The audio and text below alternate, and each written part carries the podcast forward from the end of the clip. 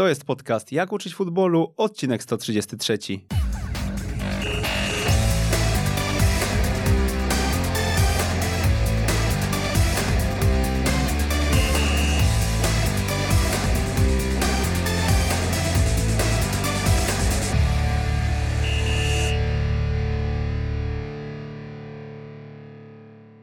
Jak uczyć futbolu, odcinek 133. Przy mikrofonie Przemysław Mamczak, e, jak zawsze niezmiennie Przemysław Mamczak i jak zawsze witam e, serdecznie. Odmawiał mi kilkukrotnie e, przyjazdu do radia. Mówił zawsze, że będzie lepszy czas na to. Nie jest to trener z pierwszych stron gazet, nie jest to trener z drużyny ekstraklasowej, ale jest to trener, którego warto poznać. Jeżeli wierzycie w mój scoutingowy nos, to przygłośnijcie, przygło, podgłośnijcie radioodbiorniki. Jest ze mną Paweł Drexler. Witam wszystkich. Paweł to pracownik Akademii ŁKS-u, trener, drugi trener obecnie drugiej drużyny, prawda, ale też do niedawna tak. koordynator e, tejże Akademii, no i niebawem też e, chyba wracasz na to stanowisko, prawda? E, z tym powrotem może nie dokładnie na, na, na, te same, na tę samą pozycję, ponieważ gdy przychodziłem do klubu, owszem, tam piastowałem tą pozycję koordynatora Akademii, to słowo koordynator zawiera w sobie wiele jakby obszarów pracy, począwszy od e, aspektów stricte sportowych, boiskowych, kończąc na, na tematach administracyjnych, cała logistyka. Więc e, w tym momencie jesteśmy już na takim etapie budowy akademii, że możemy sobie pozwolić na to, żeby to stanowisko było rozbite na, na, kilka, na kilka osób. I w przyszłym sezonie plan jest taki, żebym zajął się bardziej tym aspektem sportowym, żebym mógł się skupić już na, na, na, na szkoleniu, na trenerach, czyli bardziej nazwałbym to no powiedzmy albo koordynator szkolenia, albo metodolog, więc kwestia jeszcze kilku miesięcy, więc będziemy to, będziemy to ustalać. Mhm. To powiedz Paweł, e, obecnie e, aktywnie przy drugiej drużynie. E, wcześniej możesz też dwa zdania jeszcze opowiedzieć o tym, co robiłeś. Ja mam wynotowaną Borutę Zgierz, Zjednoczonych Stryków, Sokół Aleksandrów Łódzki, Stowarzyszenie Więcej niż, niż Sport, a od czterech lat właśnie ŁKS. Tak, no początki były mocno niewinne, można powiedzieć. Ja, ja zbyt długo w piłkę, e, w piłkę nie grałem. W wieku 20 lat zdecydowałem, że piłka nożna na, na wyższym e, szczeblu jednak nie jest dla mnie i, i chciałem po prostu rozpocząć nowe, nowe życie. I w tamtym momencie nawet nie myślałem o tym, żeby, żeby wejść na drogę trenerską. Powiedzmy, że po tym 20 roku życia na prawie rok po, pokłóciłem się z piłką, tak, czy pożegnałem ją i, i, i zajmowałem się innymi rzeczami. Natomiast to był etap też e, wyboru kierunku studiów. Ja wybrałem studia związane z terapią e, ruchową, z gimnastyką. E, następnie jakby to się wiązało z fizjoterapią, z masażem. Też, też jestem absolwentem dwuletniego studium masażu i w tym kierunku chciałem się, chciałem się na początku rozwijać. Wiadomo, że wiąże się to, fizjoterapia wiąże się ze sportem mocno, więc gdzieś tam te ścieżki znowu moje z piłką nożną się, się połączyły dostałem mm, szansę pracy w, w, w tamtym momencie w, w czwartoligowej Borucie Zgierz, właśnie jako fizjoterapeuta, masażysta, powiedzmy, co szybko zamieniło się w trenera przygotowania motorycznego, ponieważ po prostu w, tam, w tamtym momencie w, w klubie nie było takiej osoby. E, ja zobaczyłem, że mogę zdecydowanie więcej dać e, drużynie czy, czy trenerowi prowadzącemu jako trener e, przygotowania, czy wręcz później asystent, niż jak, e, jako, jako tylko fizjoterapeuta, który pojawia się raz czy dwa razy w tygodniu na, na treningu. Po Borucie z Gierz był krótki epizod w, Zjednoczo Zjednoczonych Stryków, dosłownie 2-3 miesiące byłem w tym klubie, potem pojawiła się okazja w trzecioligowym Sokola Aleksandrów, też już jako, e, jako trener przygotowania motorycznego. I w momencie, kiedy byłem w Sokole, e, zaczął się też mój romans z piłką nożną młodzieżową. Mm, powiedzmy, że już na etapie Sokoła Aleksandrów już byłem ukierunkowany jako trener przygotowania motorycznego. Byłem ukierunkowany jako, jako trener, który chce pracować z zespołem, a nie być tylko zamknięty w gabinecie e, fizjoterapeutycznym. I okazało się, że poznałem, poznałem ludzi, którzy otworzyli mi drzwi do, do innej ścieżki rozwoju i, i, i tymi, tymi osobami był e, Maciek Szymański, aktualnie pracujący w Widzewie, tymi osobami był e, Michał Wyszkowski, z którym prowadziłem e, Stowarzyszenie Więcej niż Sport. Myślę, że ten, ten, ten etap właśnie w stowarzyszeniu, gdzie, gdzie stworzyliśmy tak naprawdę powiedzmy mini klub od, od, od zespołu orglikowego, stworzyliśmy mały klub posiadający sześć roczników, E, z powodzeniem rodzącym sobie na, na naszym rynku lokalnym. W pewnym momencie uznałem, że nas, nastąpił ten moment, że trzeba zrobić krok do przodu. E, pojawiła się oferta e, z ŁKS-u. Zadzwonił do mnie dyrektor sportowy. E, jak się okazało, w tym samym czasie też e, zadzwonił do, do mojego przyjaciela Marcina Pogorzały, z którym poznałem się kilka lat wcześniej też. Myślę, że jeszcze e, ten, ten temat też zahaczymy. Pojawiła się okazja pracy w ŁKS-ie od razu powiedzmy, że wszedłem, wszedłem z buta do klubu, e, zaprezentowałem dyrektorowi, jak według mnie powinna wyglądać wizja szkolenia w, w klubie, na co powinniśmy zwrócić uwagę. W tamtym momencie ŁKS składał się z kilku roczników, e, z kilku trenerów, tak naprawdę z kilkudziesięciu zawodników i, i, i powiedzmy sobie szczerze, w klubie na tym poziomie akademii nie było, nie było, nie było zbyt dobrze, nie było ciągłości przede wszystkim, więc myślę, że spotkałem odpowiednie osoby na odpowiednim, w odpowiednim momencie swojego życia i wszystko się tak się potoczyło. W klubie przez pierwsze dwa lata piastowałem funkcję koordynatora. Naprawdę ogrom pracy. Myślę, że to też jeszcze zahaczysz ten temat scouting trenerów, czy, czy cała organizacja, organizacja życia akademii, e, dobór sztabów, scouting zawodników, Przejdziemy, Paweł. Przejdziemy do tej Akademii ŁKS-u. E, dajmy sobie chwilę, bo, bo mm, o to na pewno będziemy rozwijać. Ja zresztą tam cię poznałem przy, przy Lidze od Kuźni, e, ale powiedz, bo Krzysztof Przytuła w wywiadzie do oficjalnej e, strony ŁKS-u powiedziałeś, że właśnie stał za twoim przyjściem. To on mnie wypaczył, to jednocześnie odezwał się do mnie i do Marcina Pogorzały, którego wspomniałeś. Dlaczego akurat padło na ciebie, padło na was. Y, może, mm, no bo to jest ciekawe z perspektywy kogoś, kto e, pewnie pracuje, może organizuje jakiś swój klub, tak jak wy e, organizowaliście, mm, ty organizowałeś więcej niż sport. No i jak tu wpaść w oko takiemu Krzysztofowi Przytule? Może zacznę od tego, jak, jak poznałem Marcina, bo to jest też ciekawe. Poznaliśmy się na, e, na obozie e, Soccer Services, który ja miałem okazję razem z Maćkiem Szymańskim organizować i, i ja byłem odpowiedzialnym, e, ja byłem człowiekiem odpowiedzialnym tam za, za treningi, za, też za logistykę, za, za no, generalnie za organizację tych, tych, tych, tych obozów. Marcin przyjechał na ten obóz jako trener po prostu obserwujący swoich zawodników, których miał na tym obozie. Tam się poznaliśmy. Wymieniliśmy się telefonami, e, umówiliśmy się na jakiś tam sparring. Ja, ja, aktualnie e, w tamtym momencie prowadziłem rocznik 2002.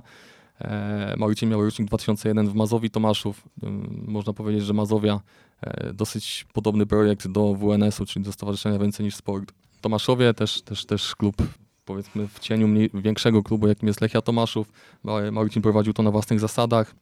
Umówiliśmy się na sparring, okazało się, że Nasze zespoły grają bardzo podobną piłkę, e, opartą o podobne zasady. Wymagamy od zawodników podobnych rzeczy.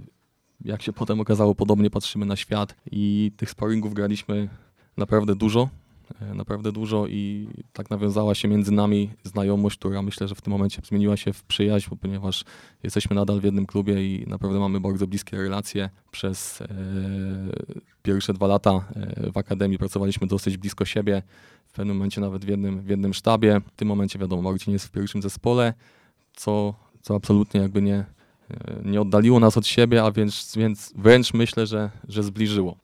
I myślę, że to jest podłoże do tego, o co zapytałeś, dlaczego e, Krzysztof Przytuła wypatrzył akurat nas dwóch w tym samym momencie.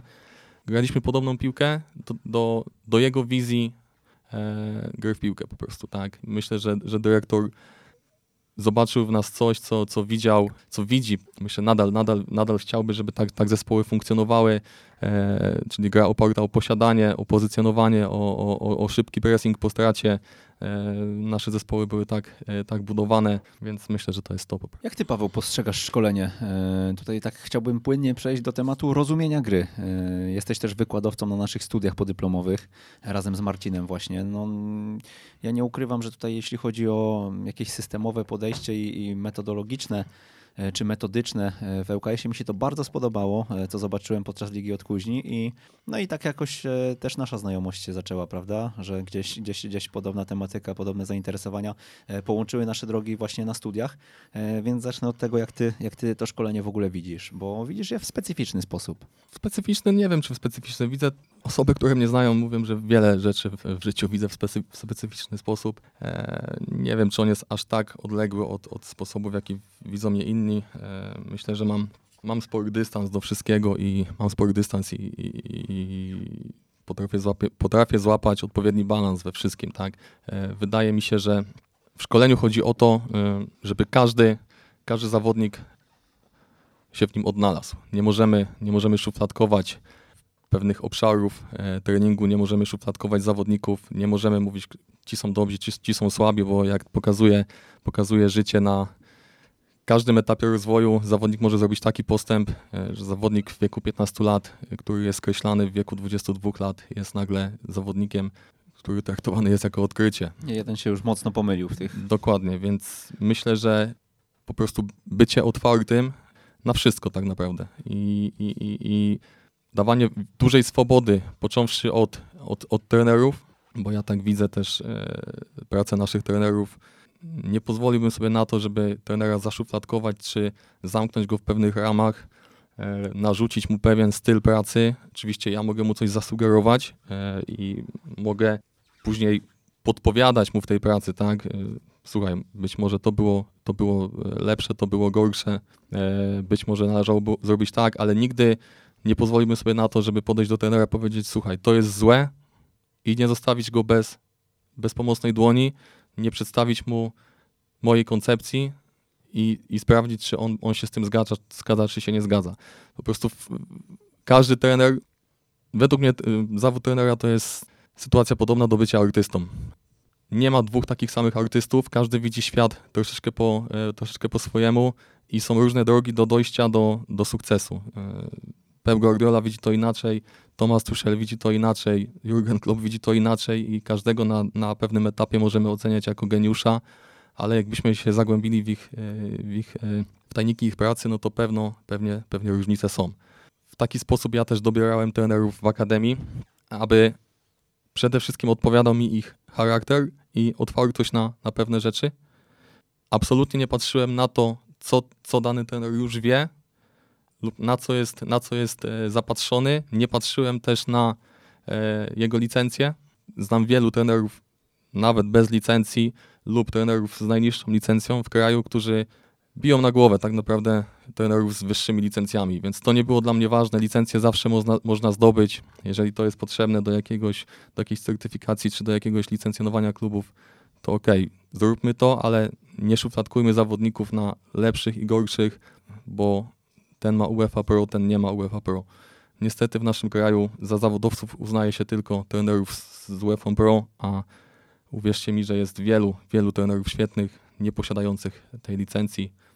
Co słychać często w jak uczyć futbolu? Co słychać i już jest etap taki w naszym kraju na szczęście, że coraz głośniej do, do, do drzwi pukają obecni 30-latkowie, co w ostatnim czasie też jakby stało udowodnione, bo chociażby Łukasz Włodarek tak aktualnie tymczasowym trenerem, oby nie tymczasowym, ale no, tak oficjalnie jest, tak, e, GKS-u Jastrzębie. A powiem więcej, myślę, że przytupem na, na ten rynek wejdą obecni dwudziestolatkowie, którzy już są wychowywani i, i szkoleni w nowym, w nowym duchu, w nowej wizji. E, troszeczkę odbiegłem być może od tego szkolenia.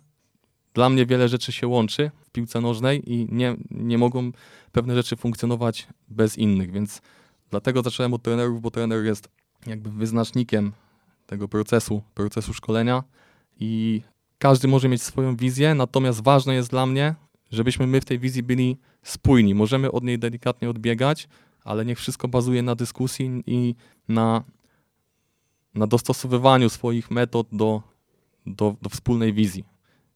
Absolutnie nikogo nigdy nie, nie będę krytykował za coś, e, że ktoś widzi coś inaczej niż ja. Po prostu niech mi to wytłumaczy, ja wytłumaczę mu swoją wizję i na pewno razem dojdziemy do, do wspólnego sedna. Powiedziałem, powiedziałem, że wiele rzeczy e, w szkoleniu się łączy. To, co mi na przykład nie odpowiada w takim klasycznym podejściu, to jest podział szkolenia piłkarskiego na cztery tak naprawdę obszary, na technikę, taktykę, motorykę i tak zwany mental. Brakowało mi i nadal, znaczy już mi nie brakuje, ale brakowało mi połączenia tych obszarów, w jaki sposób one się łączą.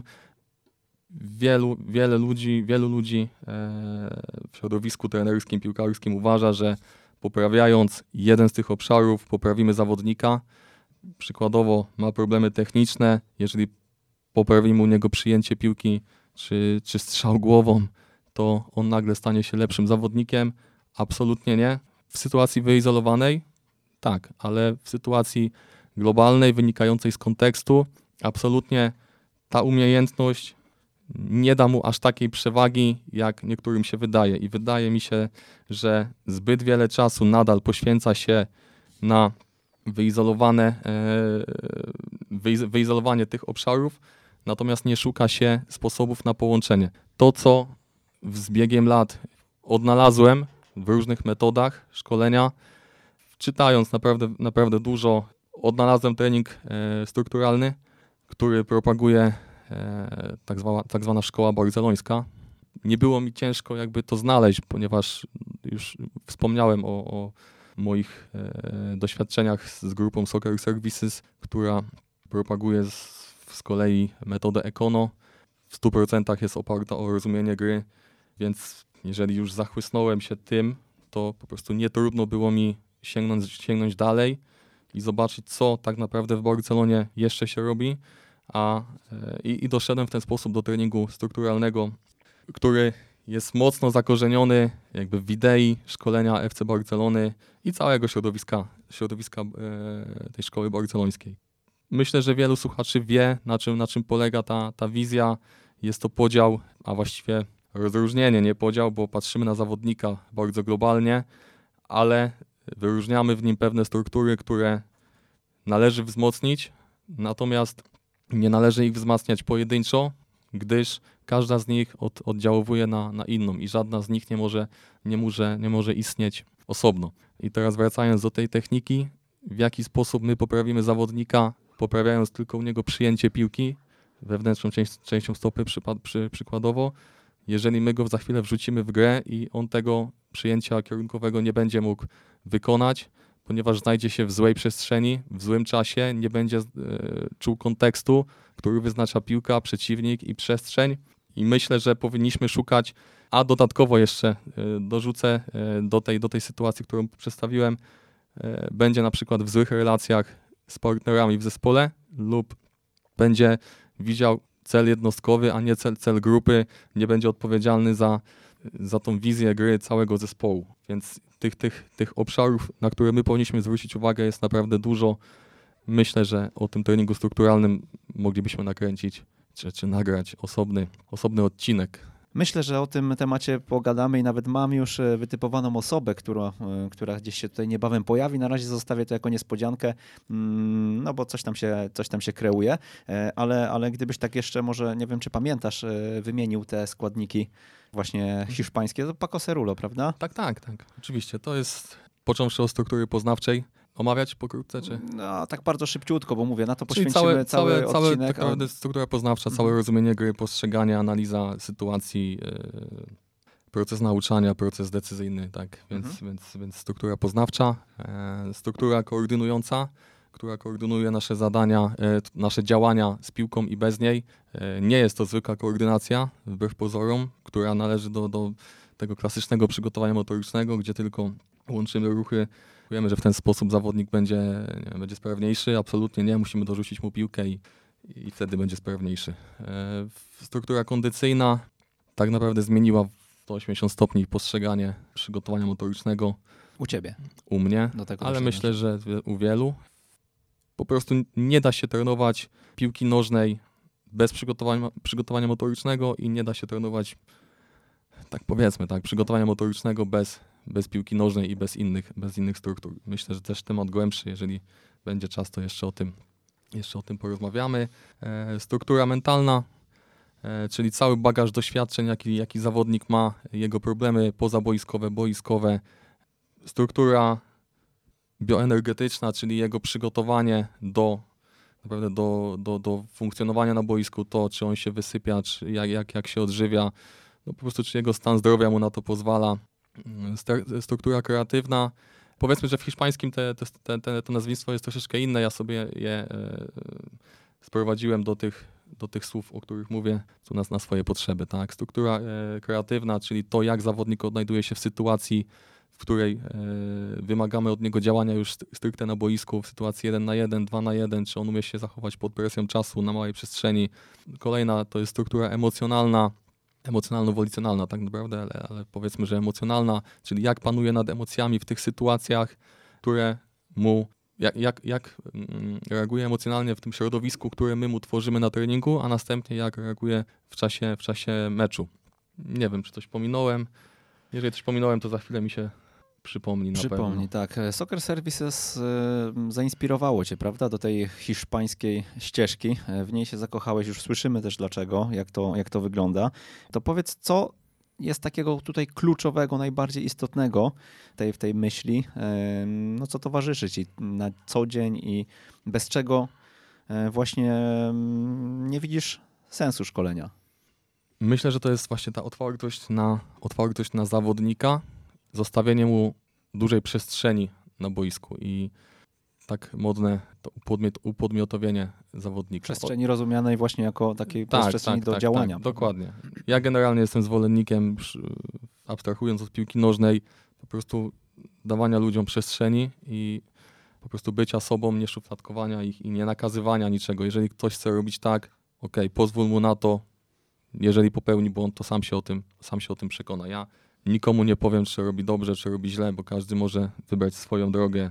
Ja też pewnie popełniam błędy i okej, jest mi z tym dobrze, bo chcę popełnić te błędy, żeby się dowiedzieć, że, że te błędy popełniłem. To właśnie ta otwartość na zawodnika, zostawienie mu przestrzeni, wiadomo, też nie można tego zero-jedynkować, bo cała Hiszpania nie pracuje dobrze. Tak, są, są oczywiście miejsca, gdzie pracuje się źle, są miejsca, gdzie pracuje się bardzo dobrze, gdzie dobrze, wiadomo, to, to nie jest też tak, że ja patrzę na Hiszpanię i mówię, wow, nie no, ale oni, ale oni pracują świetnie, wszystko jest, wszystko jest ekstra, ja teraz będę kopiował wszystko tak, jak leci. Nie, trzeba mieć swój rozum i szukać właśnie rzeczy, które robią dobrze. I to jest właśnie ten obszar, o którym ja powiedziałem, tak? Ta, ta, ta, ta szkoła barcelońska i też nie chciałbym, żeby ktoś odebrał to tak, że ja jestem zachłyśnięty Barceloną, bo też absolutnie tak nie jest. Natomiast patrząc na ostatnie 20 lat i na to, jak ewoluowa- ewoluowała piłka nożna, to nie można się nie zgodzić z tym, że ta szkoła barcelońska miała największy wpływ na ewolucję piłki na świecie. Wraz z rozwojem trenerskim Pepa Guardioli i jego sukcesów, a następnie transferu, czy to do Niemiec, czy do Anglii, zobaczmy jak ewoluowały, ewoluowały razem z nim ligi, w których on był. Całe ligi, no właśnie. Całe ligi. Nawet w ostatnim wywiadzie Julian Nagelsmann powiedział, że jego idolem jest e, Pep Guardiola. Teraz został pierwszym trenerem Bayernu Monachium. On już e, w Lipsku jakby propagował czy wzorował się na, na Pepie. E, Zobaczmy jak grają zespoły w Anglii, gdzie mówiono, że to jest liga box to box i tylko się biega. Coraz więcej zespołów chce bazować na posiadaniu, pozycjonowaniu, na, na szybkim doskoku, więc te ligi ewoluowały wraz z ewolucją Pepa Guardioli, który jest bezpośrednim absolwentem szkoły barcelońskiej, patrząc dalej, Paco Cerulo i wielu, wielu, wielu innych trenerów. Trenerzy, którzy pracowali z Pepem, czy też wywodzą się z tej szkoły, możemy znaleźć w każdej lidze, na każdym poziomie, na każdym szkoleniu mówi się o tym, chociażby samo Soccer Services tak naprawdę na początku było zbudowane o to, o te, o te sukcesy e, Pepa Guardioli we FC Barcelonie. Tak? Wszystkie filmy, wszystkie szkolenia tak naprawdę bazowały na zachowaniach Xaviego i Niesty, co później rozlało się chociażby na nasz rynek. Myślę, że tutaj grupa deduktor się nie obrazi, gdy powiem, że też fundamenty ich pracy wywodzą się, wywodzą się właśnie z tej, z tej szkoły. Nie, no na pewno. Myślę, że oni też to podkreślają. E, Zresztą no szkoda, że ta metoda Ekono e, nie jest dostępna dzisiaj e, z perspektywy właśnie szkoleń. My gdzieś próbowaliśmy te wszystkie osoby zaangażowane w nią przed laty zebrać, zebrać do kupy i właśnie mm, w ramach tych studiów podyplomowych e, rozumienia gry się spotkać, to nam się chyba w miarę udało, bo jesteście wy, jest Maciek Szymański, jest e, e, właśnie grupa Dedu, która jest, Maciek, Szeliga. Szeliga, tak. Tak jest. E, No jak zapytam, zapytam właśnie ciebie o to, o to rozumienie gry, bo żeby e, dać zawodnikowi przestrzeń, żeby dać mu mm, to miejsce do realizacji siebie tak naprawdę, e, no trzeba wiedzieć, w jaki sposób e, gdzieś tam coachować już później pewne, pewne niuanse, prawda? E, Wiem, że wy to macie fajnie usystematyzowane w Akademii ŁKS-u i e, opiera się to o koncepty taktyczne, prawda? Tak, opiera się to o koncepty, natomiast nie zostawiliśmy jakby w spokoju fundamentów też. Mhm. To może tak, rozróżnij na początek fundamenty i okej. koncepty. Ta koncepcja fundamentów spodobała nam się z tego względu, że według mnie jest to taki drogowskaz dla zawodników na każdym, mm, w każdym momencie gry. Czy mamy piłkę, czy nie mamy piłki.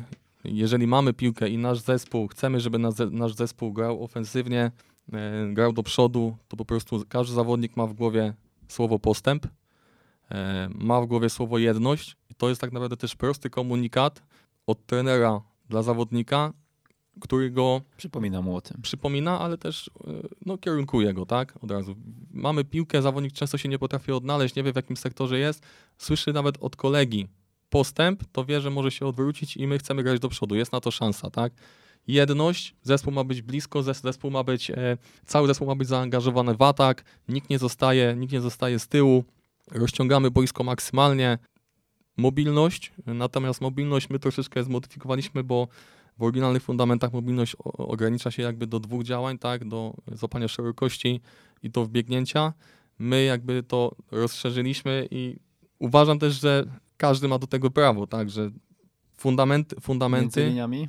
tak, ale chcę, chcę powiedzieć, No. że każdy fundament e, można sobie rozbudować na swój jakby, na swoją modłę, tak, że nie trzeba być w 100% oddanych, do, e, oddanych temu, co się przeczyta, e, czy w dorastaniu gry, tak, czy, czy, czy u profesora Frade. My to zmodyfikowaliśmy tak, że to jest też każde wsparcie, czy, czy zdobywające, czy utrzymujące, czyli po prostu danie linii podania i, i, i, i znalezienie przestrzeni na, na boisku dla te, do tego, żeby właśnie ten postęp był możliwy. Długo o tym rozmawialiśmy właśnie też między innymi z Marcinem Pogorzałą, którego bardzo angażuję w rozwój tych wszystkich moich wizji e, i, i, ustaliliśmy, że dla nas, być może dla kogoś nie, ale dla nas to będzie najłatwiejsze w przekazie. Y, Można się z tym zgadzać, można się z tym nie zgadzać. Natomiast we, w defensywie też e, Czyli zostawiliśmy trzy fundamenty macie trzy w tylko. ofensywie. Tak.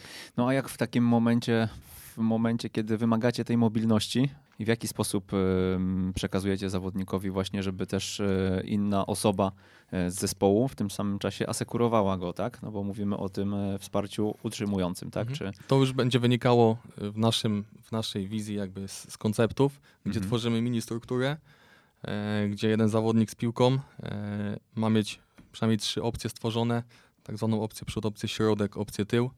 E, i, I ten zawodnik, który daje opcję tył, jest automatycznie zawodnikiem do, do asekuracji, tak? No ale mówię, to już wynika z konceptów. My te fundamenty, wydaje mi się, troszeczkę nie chcę powiedzieć, że uprościliśmy, bo niekoniecznie lubię to słowo. Wiele rzeczy się niepotrzebnie upraszcza, ale po prostu zmodyfikowaliśmy tak, żeby więcej czasu jakby poświęcić na, więcej czasu poświęcić na, na, na, na, na koncepty niż na, na fundamenty. Tylko dokończę Mhm. dla jasności. e, My w defensywie zostawiliśmy sobie powstrzymanie, jedność i asekurację defensywną. Tak? Więc tak to u nas wygląda. Natomiast koncepty. Teraz przejdę, przejdę tego. Dla mnie koncepty to są po prostu działania indywidualne, grupowe, zespołowe. E, Natomiast e, są to rzeczy, są to sytuacje na boisku, które się powtarzają i w których zawodnikowi jest się łatwo odnaleźć poprzez e, no właśnie tę powtarzalność. Tak? E, My poprzez nasz ruch od piłki do piłki tworzymy środowisko dla zawodnika z piłką, które on łatwo rozpozna i będzie wiedział, że zawodnik, który wbiega w przestrzeń, przykładowo w bocznym sektorze daje opcję przód, dla niego to jest ciąg logiczny, który on zastosuje w głowie, ok, albo mu zagram, jeżeli będzie wolny, albo wbiegnę w jego przestrzeń. I ta mini sytuacja to już jest dla nas koncept, e, koncept taktyczny, tak? E, Koncept wolnego zawodnika, czyli granie między liniami, ale rozumiane w ten sposób, że ustawienie w optymalnej odległości od przeciwników i w momencie otrzymania piłki, ja mogę się, z nią swobodnie, swobodnie odwrócić. Rozbudowany koncept wolnego zawodnika, czyli koncept trzeciego zawodnika, czyli wyszukanie tego wolnego zawodnika, który może zrobić bezpośrednio postęp w grze przyjęciem do przodu czy zagraniem kolejnym, ale za pośrednictwem drugiego zawodnika, który pozornie faktycznie skupia tylko na sobie uwagę przeciwników, a w odpowiednim momencie wydaje piłkę dla, do zawodnika wolnego. Myślę, że tutaj e, przy okazji studiów zrozumienia gry my, my rozwiniemy to e, z Marcinem. Właśnie, bo wy jeszcze jesteście przed swoim zjazdem. Już nam zostały ostatnie dwa zjazdy, Tak. ale w czerwcu zamykacie. Ale będzie, będzie ogień, jak słyszę. No, zobaczymy. Mamy. e, Co będziecie? Dobra, to pokażecie te koncepty, tak? Tak, pokażemy koncepty, pokażemy wskazówki, jakich my używamy, Mhm.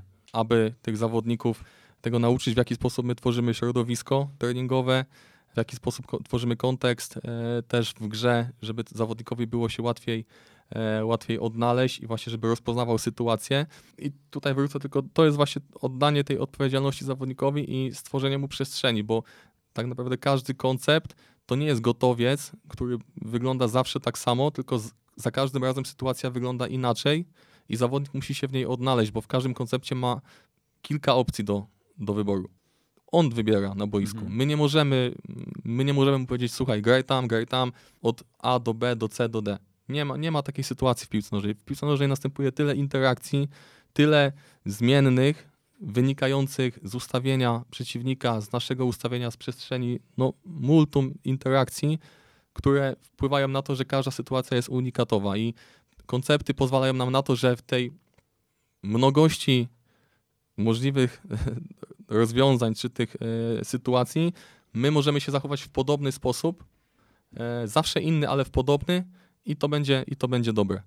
Dodamy, dodajmy też do tego, co jest istotne, że w zespole każdy zawodnik jest inny i my musimy tą inność akceptować.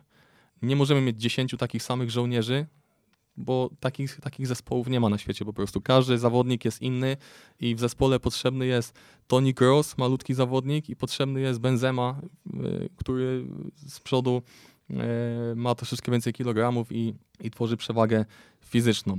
Ostatnio oglądałem program Roberta Makłowicza chyba o Podlasiu, tak, na pewno o Podlasiu i on powiedział, że Podlasie charakteryzuje się tym, że to jest wielość w jedności, jedność w wielości. I to mi bardzo odpowiadało. Znaczy, generalnie też tak, też tak o tym myślę, ale podoba mi się, że w innych obszarach życia też się to zauważa. I ja to staram się zauważać w każdym obszarze życia, że po prostu dla każdego jest miejsce i my musimy po prostu stworzyć, już wiem, nie powiedziałem o strukturze socjoafektywnej, o której właśnie teraz powiedziałem. My musimy połączyć tych wszystkich zawodników w jedną całość, którzy, e, w jedną całość, która będzie funkcjonowała w taki sam sposób. No to już mamy wszystko. Fundamenty, koncepty yy, i yy, te wszystkie struktury yy, też są uzupełnione. Paweł, no mega ciekawie zapowiada się yy, ta, ta, to spotkanie dotyczące konceptu. No wy macie tam dwa dni wykładów, więc to jest tematu na 12 godzin czy 13. Chcemy też to opakować w filmy e, z treningów, jasne, filmy jasne. z, meczów. Ale ja cię poproszę, żebyśmy kiedyś się spotkali jeszcze tutaj w radiu i e, wzięli sobie na tapet właśnie może ze 3-4 koncepty, albo nawet może mniej, może nawet dwa zdążymy w e, jednej audycji, ale tak naprawdę je zgłębili, rozdrobnili. E, Jeżeli będziesz miał ochotę, to, to już cię z góry zapraszam, bo to jest, e, nie ukrywam, że rozumienie tych konceptów, myślę, dla trenerów to jest e, mega duża wartość i, i widzę w tym bardzo dużo właśnie, mm, bardzo taką wiedzę, którą można przełożyć na praktykę. Może, no, chcesz coś dodać? Chcę Dawaj. dodać, tak, bo dla wielu mm, spotkałem się z, takim, z taką opinią, że my możemy w ten sposób uczyć młodego zawodnika, że nie możemy w ten sposób nauczyć e, zawodnika, który powiedzmy jest przesiąknięty jakimiś tam, jakąś tam wizją grania czy wizją szkolenia, bo po prostu ma, nie wiem, 30 lat i, i on już się nie nauczy. Mhm. To jest absolutnie błędne myślenie. Widzimy to na poziomie e, naszego pierwszego zespołu. Spotyka się z tym Marcin Pogorzała, ale myślę, że on o tym opowie lepiej na studiach. Ale ja ze swojego podwórka mogę opowiedzieć o. o mamy zawodnika 29-letniego w rezerwach, e, Olka Ślęzaka, który absolutnie nigdy nie słyszał o komunikacie postęp, o, o tym, że on może prowadzić piłkę w celu skupienia uwagi. Nigdy o tym nie słyszał. Jest u nas e, no, 8 miesięcy i zrobił tak niesamowity postęp w tej materii, że posługuje się tylko tymi komunikatami i on mówi, że on, jemu otworzyliśmy mu głowę po prostu. 29-letni zawodnik, więc nie zgadzam się z tym, że możemy uczyć tylko dziecko czy młodego zawodnika. Mhm. Możemy nauczyć każdego na każdym etapie i, i naprawdę zachęcam do tego, żeby otworzyć głowę na, na tych starszych zawodników też i dać im szansę, bo po prostu nikt ich te, wcześniej tego nie uczył, a, a oni tego chcą. Oczywiście jeszcze Mhm. jest część osób, która się z tym nie zgodzi, e, mówię o zawodnikach i która to odrzuci, no ale to wiadomo, nie ze wszystkimi możemy pracować. Tak? Mówimy tutaj o tych studiach. e, Ja może od razu e, ogłoszę jakąś, jakąś wiadomość w tym zakresie, bo tutaj no to jest temat Tobie bliski, on będzie też tam realizowany. Studia rozumienia gry, studia podyplomowe. Odpaliliśmy właśnie zapisy na drugą edycję tych studiów. E, Nie chcieliśmy gdzieś tam w tej pandemii e, za często się spotykać, e, żeby tego nie przenosić bardzo mocno do online'u, ale już wiemy, że rozpoczynamy stacjonarnie, bez względu na pandemię są, są takie możliwości od października, mm, więc, więc będzie Marcin, będzie Paweł, będzie Maciek Szymański, będzie Maciek Szeliga, będzie ekipa deduktora. Tutaj wymieniam tych, których ty wymieniłeś, ale też jeszcze mm, będzie kilka innych osób wartościowych. Filip Raczkowski, Maciek Kędziorek, e, nie chciałbym kogoś tutaj pominąć, Damian Mikołowicz e, z pamięci, z pamięci Radek Bela, o. E, więc, więc tutaj dodam, dodam jeszcze, że mm, na rozumieniegry.pl macie wszystkie szczegóły. W zeszłym sezonie, w zeszłym roku zamknęliśmy zapisy w ciągu dwóch dni, więc, więc tak, my rozesłaliśmy, zdaje się, już jakąś informację do tych osób zapisanych na listę i te osoby, już tam już nie ma 30 miejsc, już jest ze 20 miejsc po tym pierwszym mailu, natomiast no, powolutku gdzieś e, będziemy wypuszczać informacje o tych zapisach. Być może słyszycie ją po raz pierwszy tutaj, e, więc jeżeli tak e, i jeżeli wam na tym zależy, no to mm, działajcie, rozumieniegry.pl, tam są wszelkie szczegóły, zmieniamy troszkę mm, tutaj partnera tych studiów, o tak, tak to ujmę, bo przenosimy się z Wrocławia do Łodzi, tam e, uczelnia Asbiro, z, którym mamy, z którą mamy kilka fajnych pomysłów na przyszłość, e, będzie nas teraz wspierać w tych studiach i tam e, właśnie razem z nimi to zrobimy, ale poza tym się nic nie zmienia. Oczywiście trzeba mieć wykształcenie, co najmniej licencjat, wykształcenie wyższe, żeby, żeby do studiów podyplomowych dołączyć. Dyplom studiów podyplomowych po ich ukończeniu, po zaliczeniu pracy dyplomowej otrzyma każdy z uczestników. Miejsc 30, tematyka i program na stronie Lista prelegentów również. Dobra, nie będę przedłużał e, tego tematu. Jeszcze jedno ogłoszenie mam, bo bardzo fajne, e, fajny prezent przygotowałeś, Paweł, i to jest chyba dobry moment, żebyśmy też o nim wspomnieli, żeby nam to nie wyleciało z głowy, bo prezent jest darmowy, e, tutaj się nie trzeba nigdzie zapisywać i prezentów starczy dla każdego. Tak, przygotowałem tak, tak naprawdę wycinek tego, co niebawem otrzymają mm, nasi trenerzy w Akademii, ponieważ y, ja jestem na etapie pracy nad e, nowym, nowym programem szkolenia na kolejny, na kolejny sezon i y, postanowiłem wyciąć tutaj trzy slajdy z, tej, e, z tego opracowania dotyczące właśnie konceptów. E, Mamy tutaj skupienie prowadzeniem, szerokość e, rozpisana pod kątem indywidualnym i pod kątem grupowym i to są wskazówki, wskazówki treningowe, które e- automatycznie też dla nas są jakby efektami szkolenia po, po pewnym etapie. Czyli my jakby to uje- ujednoli- ujednoliciliśmy. Przykładowa wskazówka dla etapu U9 y, w koncepcie skupienia prowadzenia, prowadzeniem podaj piłkę w momencie, gdy przyciągniesz do siebie przeciwnika. To jest prosty komunikat, ale temu dzieciaczkowi, tak powiedzmy zawodnikowi dużo mówi. Trener też może się przygotować w obrębie tego jednego komunikatu do danej jednostki treningowej. Tak naprawdę w obrębie tego jednego komunikatu on może zbudować cały, cały środek, a następnie po, po tym etapie szkolenia my możemy sobie tego zawodnika, czy trener może rozliczać swoją pracę z tego, czy po prostu ten zawodnik wie, w którym momencie ma tą piłkę oddać, czy on się Mhm. kolokwialnie mówiąc pakuje w dribbling, czy nie, czy, czy, czy widzi partnera, któremu tą piłkę można oddać. Ja w ogóle myślę, że o ile e, te wskazówki pomagają zawodnikom, o tyle bardzo mocno pomagają w kształceniu trenerów, bo Tak. e, odnieść ich do poszczególnych etapów e, i aż tak skonkretyzować. Ja to zresztą widziałem w Piaście Gliwice, kiedy Maciek Szymański też, też to tam gdzieś wprowadzał. No może nie to, prawda, bo wy pewnie się różnicie, ale, ale pewnie jakieś podobieństwa byśmy znaleźli. Więc te trzy slajdy, może, może to nie jest za dużo, ale będą wartościowe i zachęcamy Dodam, do dodam odbioru. jeszcze, że na końcu tych slajdów ja e, ostatni mecz e, półfinałowy Ligi Mistrzów Chelsea Real Madrid tutaj dwie sytuacje bramkowe pociąłem dla, dla słuchaczy. Właśnie pod takim kątem, jak ja, Mhm. to, jak ja to widzę, dlaczego te bramki padły, kto tam skupiał uwagę, w jaki sposób tą uwagę skupiał, w jaki sposób zawodnicy dawali szerokość i No myślę, że to będzie ciekawe. No zobaczymy, czy YouTube nam nie usunie e, tego materiału, bo z tymi wideo Dzisiaj jest, jest jeszcze e, dostępne. jest, e, jest często problem, ale na pewno te koncepty i ich opis znajdziecie w pliku od Pawła ekstratrener.pl ukośnik newsletter. Trzeba się zapisać na nasz newsletter. Jeżeli jesteście zapisani, otrzymaliście link w mailingu albo otrzymacie go za e, dwa czy trzy dni, bo zawsze wysyłamy to po audycji na żywo. Ja tylko dodam, bo często się spotykam z pytaniami o, o ten newsletter.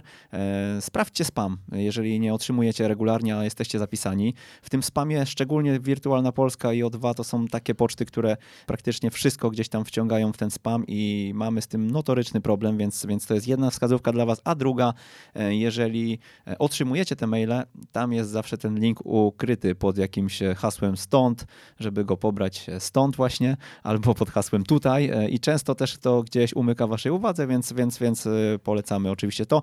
Myślę, że kolejny wartościowy materiał, tam już jest ich z 70, y, prezenty są do pobrania oczywiście za darmo.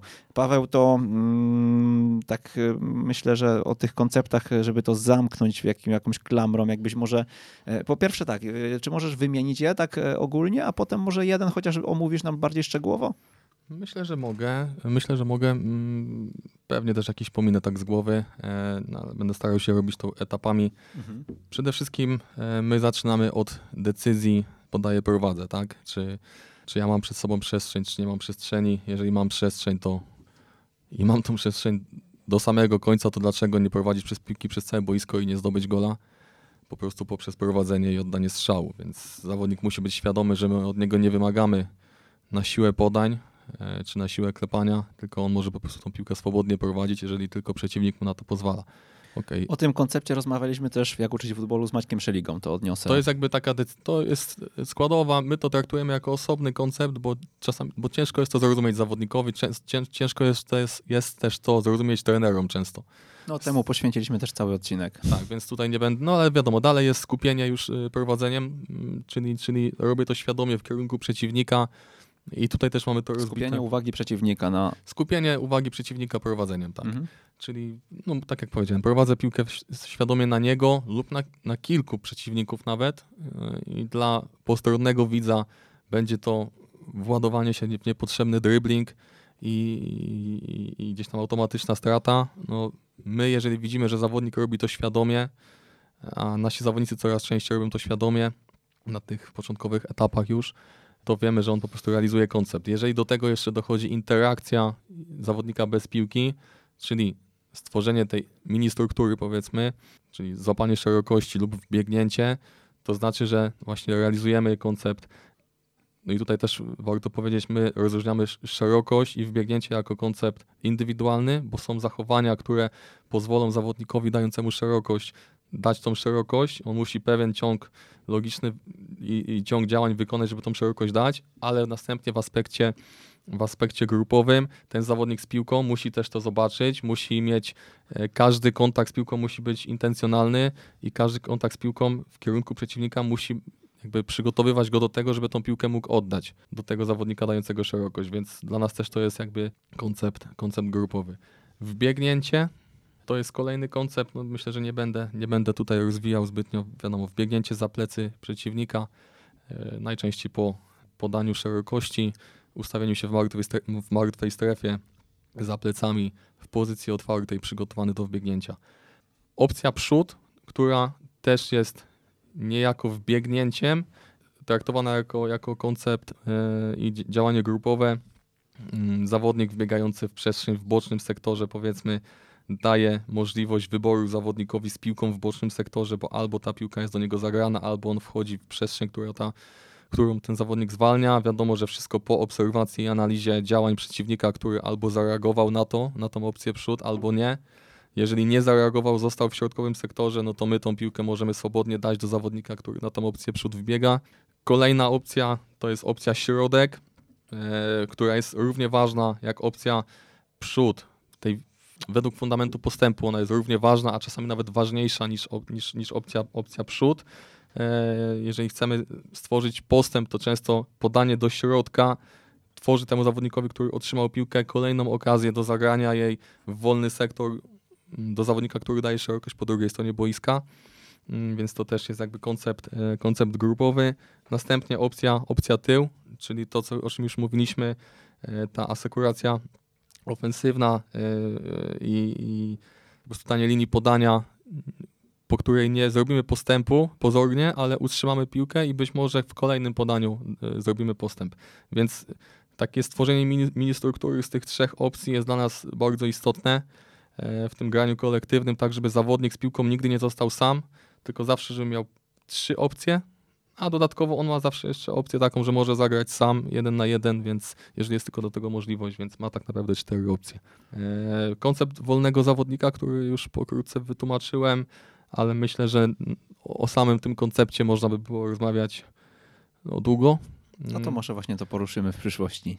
Dobrze. I myślę, że trzeci zawodnik, y, który dla wielu jest rozumiany jako zgranie piłki na ścianę, czy tak zwana waliza, która zgrywa piłkę tyłem do bramki, do zawodnika przodem y, i tamten oddaje strzał, ale nie, to jest coś dużo bardziej skomplikowanego i też właśnie często podanie do tego zawodnika drugiego w koncepcie trzeciego zawodnika jest postrzegane przez wielu jako podanie piłki na konia, na aferę, czy, czy, czy, czy, czy na, na minę, tak?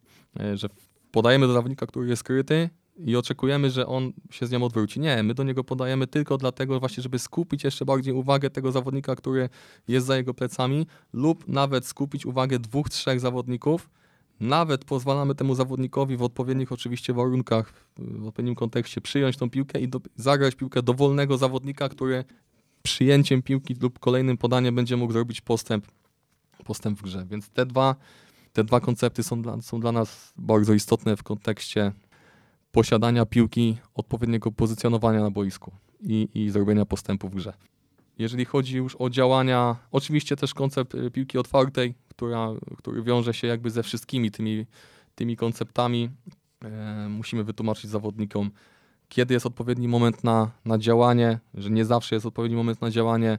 Jeżeli piłka jest zamknięta, nasz zawodnik z piłką nie ma możliwości jej zagrać, to my nie wykonujmy działań zbędnych, tylko wykonujemy je w momencie, kiedy ten zawodnik będzie potrzebował naszego wsparcia, czyli ustawia sobie piłkę już do, do zagrania, do przodu.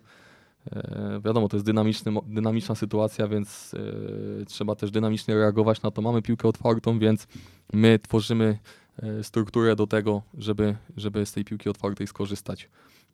To, co, to, co przedstawiła grupa Deduktor, myślę, że bardzo dobrze czyli zerwanie krycia i ochrona piłki przez, przez napastnika. My też to wprowadziliśmy tutaj też na tym filmie jednym, który e, nasi słuchacze będą e, mogli zobaczyć w tej prezentacji mojej. Jest też zerwanie krycia, powiedzmy jednym tam komunikatem zahaczone. Oczywiście o tym można też by było dużo rozmawiać. Drugą bramkę w półfinale strzelił Mount.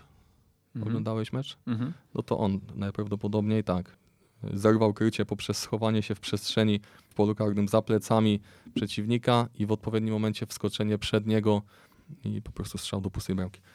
Myślę, że coś pominąłem, na pewno coś pominąłem, ale przyjdzie na to czas, żeby rozwijać ten temat. Myślę, że tak i myślę, że to w ogóle jest temat taki, że mm, moglibyśmy jednemu konceptowi poświęcić cały odcinek. Ja bym chciał do tego nawet dążyć gdzieś w przyszłości, chociaż to, tak jak mówię, tutaj wszystko zależy od was, od gości, e, ale... Mm, myślę, jeżeli... że ciekawie byłoby to zrobić mhm. w formie wideo, bo mhm. bez naocznego doświadczenia czegoś Te, często. Też do tego dojdziemy, dojdziemy do tego. Słuchaj Paweł, bo ja tak, nie, nie, chciałbym tutaj tego też przyspieszać, ale tak myślę, że może się słuchacze na początku zaczęli zastanawiać, e, co, co to za gość z Akademii ŁKS-u, jeżeli dziwicie się właśnie dlaczego, dziwiliście się może, e, dlaczego e, właśnie ten ŁKS, no to właśnie dlatego ja tam zobaczyłem to w ten sposób, no i nie ukrywam, że myślę, że to nie jest tylko dobre narzędzie do rozwoju zawodników, ale też dla trenerów i, e, i tego, tego gdzieś bym e, szukał. Słuchaj, tak szybkim, e, szybcikiem po tej, przez tą akademię, żebyśmy przeszli. No właśnie, Akademia UKS-u dzisiaj jeszcze może jakichś takich wynikowych mm, wymiarów nie może pokazywać gdzieś e, z tej perspektywy rozwoju Akademii, ale infrastrukturalnie, jak sobie wymienialiśmy przed audycją, co Lech, Legia, Zagłębie, Pogoń i ŁKS jest gdzieś na podobnym poziomie, prawda? Tak, ale e, tylko cofnę się na chwilę, okay. E, bo nie, nie uważam, że na przykład stworzenie wspólnej wizji szkolenia i wprowadzenie wszystkich trenerów z różnych środowisk do, do wspólnej wizji nie jest sukcesem sportowym. Uważam, że jest i. mm, nie, ja mówię o przełożeniu na wyniki. Wiem więc... o tym, wiem o tym, ale uważam, że to, że poświęciliśmy troszeczkę czasu, a naprawdę go poświęciliśmy na to, żeby stworzyć grupę trenerów, którzy są otwarci na to, bo niełatwo jest się do tego przekonać, myślę, ale wszyscy trenerzy, których początkowych latach mojej pracy sprowadziłem e, do, do akademii, są na to bardzo otwarci i myślę, że to przyniesie prędzej czy później efekty w postaci wyników też, które aktualnie oczywiście nie są najważniejsze. Należy pamiętać też o tym, że my zaczynaliśmy 4 lata temu w momencie, gdy już część zespołów, która powiedzmy teraz kończy etap szkolenia w, u nas w akademii, nie powiem, znaczy była prawie w rozsypce, bo tak jak powiedziałem, my przyszliśmy do klubu, było kilkunastu zawodników, którzy traktowali piłkę nożną mocno hobbystycznie i, i my wrzuciliśmy ich w taką karuzelę profesjonalizmu, powiedzmy. Musimy być rozważni w naszych działaniach, ponieważ można, każdego można zamęczyć. Nie możemy się nakręcać z dnia na dzień, musimy też pozwolić sobie pewną, pewnym rzeczom wybrzmieć żeby pewne rzeczy albo się sprawdziły, albo się nie sprawdziły. Teraz myślę, że jesteśmy na takim etapie. Ja też potrzebowałem jakiś czas temu takiego oddechu, e, dlatego też nastąpił ten ruch z moim powrotem jakby na ławkę, na ławkę trenerską, bo chciałem się znowu zainspirować, ale jednocześnie chciałem odpocząć od tego etapu budowania czegoś, a chciałem, żeby to już powiedzmy funkcjonowało. I myślę, że teraz jesteśmy w tej drugiej fazie e, funkcjonowania akademii, gdzie po prostu pracujemy, a nie jesteśmy, nie kładziemy cały czas cegieł i, i, i, i nie czekamy, jak ten dom powstanie. Tak? Zbudowaliśmy dom, mieszkamy w nim i, i chcemy, żeby to, żeby to funkcjonowało. Zahaczyłeś o infrastrukturę i myślę, że wielu naszych, słuchaczy już o tym wie, bo gościmy u nas wiele klubów, e, czy to na meczach kontrolnych, czy na, na, na, na turniejach. E, dysponujemy w tym momencie czterema pełnowymiarowymi boiskami. E, dwa są to boiska z naturalną nawierzchnią, mm, dwa boiska z nawierzchnią sztuczną. Mamy do dyspozycji również boisko dla piłki 5 i 7 osobowej, które w okresie zimowo-jesiennym jest przykrywane balonem. Na obiekcie mamy również e, mini boisko dla treningu bramkarskiego. W budynku mamy e, salę przygotowania motorycznego, w której na co dzień mamy fizjoterapeutę, e, dedykowane, de, który jest dedykowany tylko dla zawodników akademii.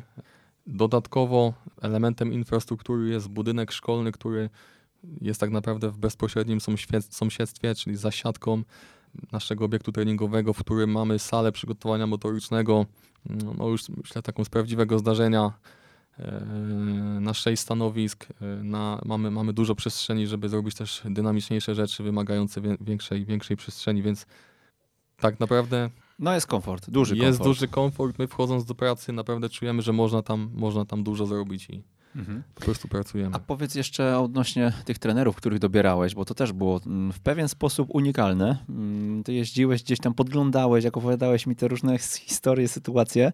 E, można było się uśmiechnąć, ale to też nie ukrywam, że mm, wyglądało to e, bardzo profesjonalnie z twojej strony. Tak, no bo ja, tak jak już powiedziałem wcześniej, nie wierzę w coś takiego, że otwieramy sobie listę trenerów e, z licencją UEFA i mówimy, o, UEFA, UEFA, UEFA, dzwonimy do nich. Nie, ja poświęciliśmy sobie e, razem z dyrektorem naprawdę dużo czasu na to, żeby te sztaby dobrać. Podam tylko taki przykład. Trener, trenera, z którym aktualnie pracuję, Marcina Matysiaka, który prowadzi jako pierwszy e, trener drugi zespół. To był bodajże pierwszy rok mojej pracy, rocznik 2004, grał sparring u nas na boisku. Pamiętam, że był deszcz niesamowity, byłem na trybunie chyba tylko ja. On prowadził zespół ze szkółki Diament z Duńska Woda.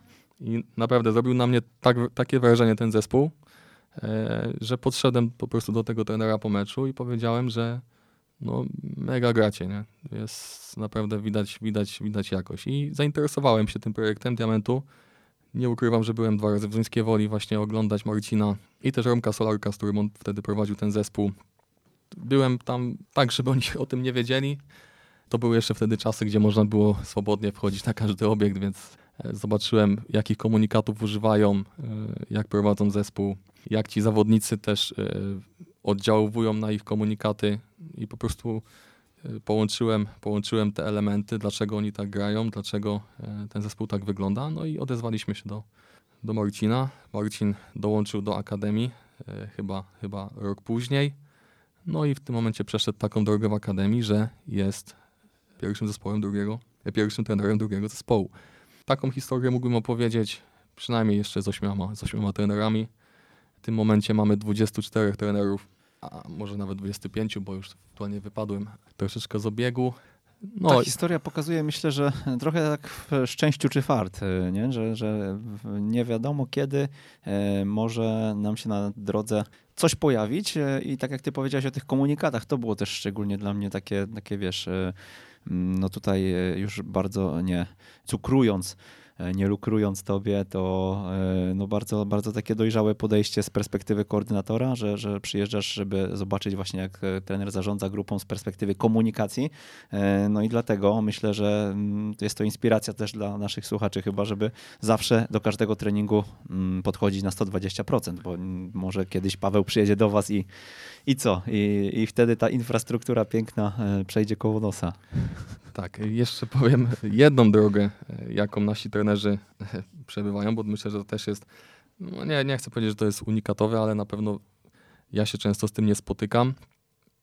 Mianowicie my w każdym, w każdym roku szukamy u naszych absolwentów, u naszych zawodników jednostek, które wykazują się cechami, które my chcemy, aby nasz trener posiadał.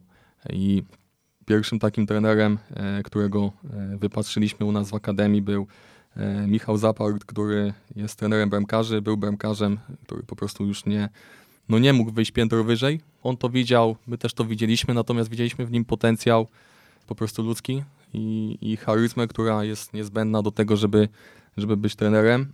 I Michał teraz z powodzeniem, my się już śmiejemy, że to jest 21-letni 40-latek, bo on jest tak dojrzały, i, i jest tak zaangażowany w pracę, e, że czasami trzeba go hamować, stopować, e, aby ten balans właśnie utrzymał. I w poprzednim roku e, zrobiliśmy podobny zabieg z jednym trenerem, który aktualnie jest u nas trenerem przygotowania motorycznego i w tym roku po raz trzeci zrobimy ten sam zabieg, więc to jest też wskazówka dla naszych, myślę, słuchaczy zarządzających klubami, żeby szukać trenerów w swoim środowisku, bo kto będzie lepiej umiał się wkomponować w to, o czym ty do, mówisz do trenerów, niż zawodnik, który słyszał te komunikaty przez kilka lat i który akceptował to. Akceptował to i wchłonął to, więc jemu będzie naturalnie łatwiej. On już na starcie ma przewagę, bo on to rozumie. Nie musisz jego uczyć. On już. Jego tylko będzie. Twoim zadaniem będzie to, żeby nauczyć go funkcjonowania w sztabie, tak? W tym życiu powiedzmy dorosłym. Ale te sytuacje boiskowe on będzie rozumiał jak, jak nikt inny. I tak, e, taką drogę też przechodzą nasi, nasi trenerzy. Trenerze, czy wiesz, że każdego miesiąca w ramach Szkoły Trenerów Online spotykamy się na szkoleniach online z trenerami, których słyszysz w jak uczyć futbolu? Najciekawsi goście z największą wiedzą do przekazania przekazują ją regularnie.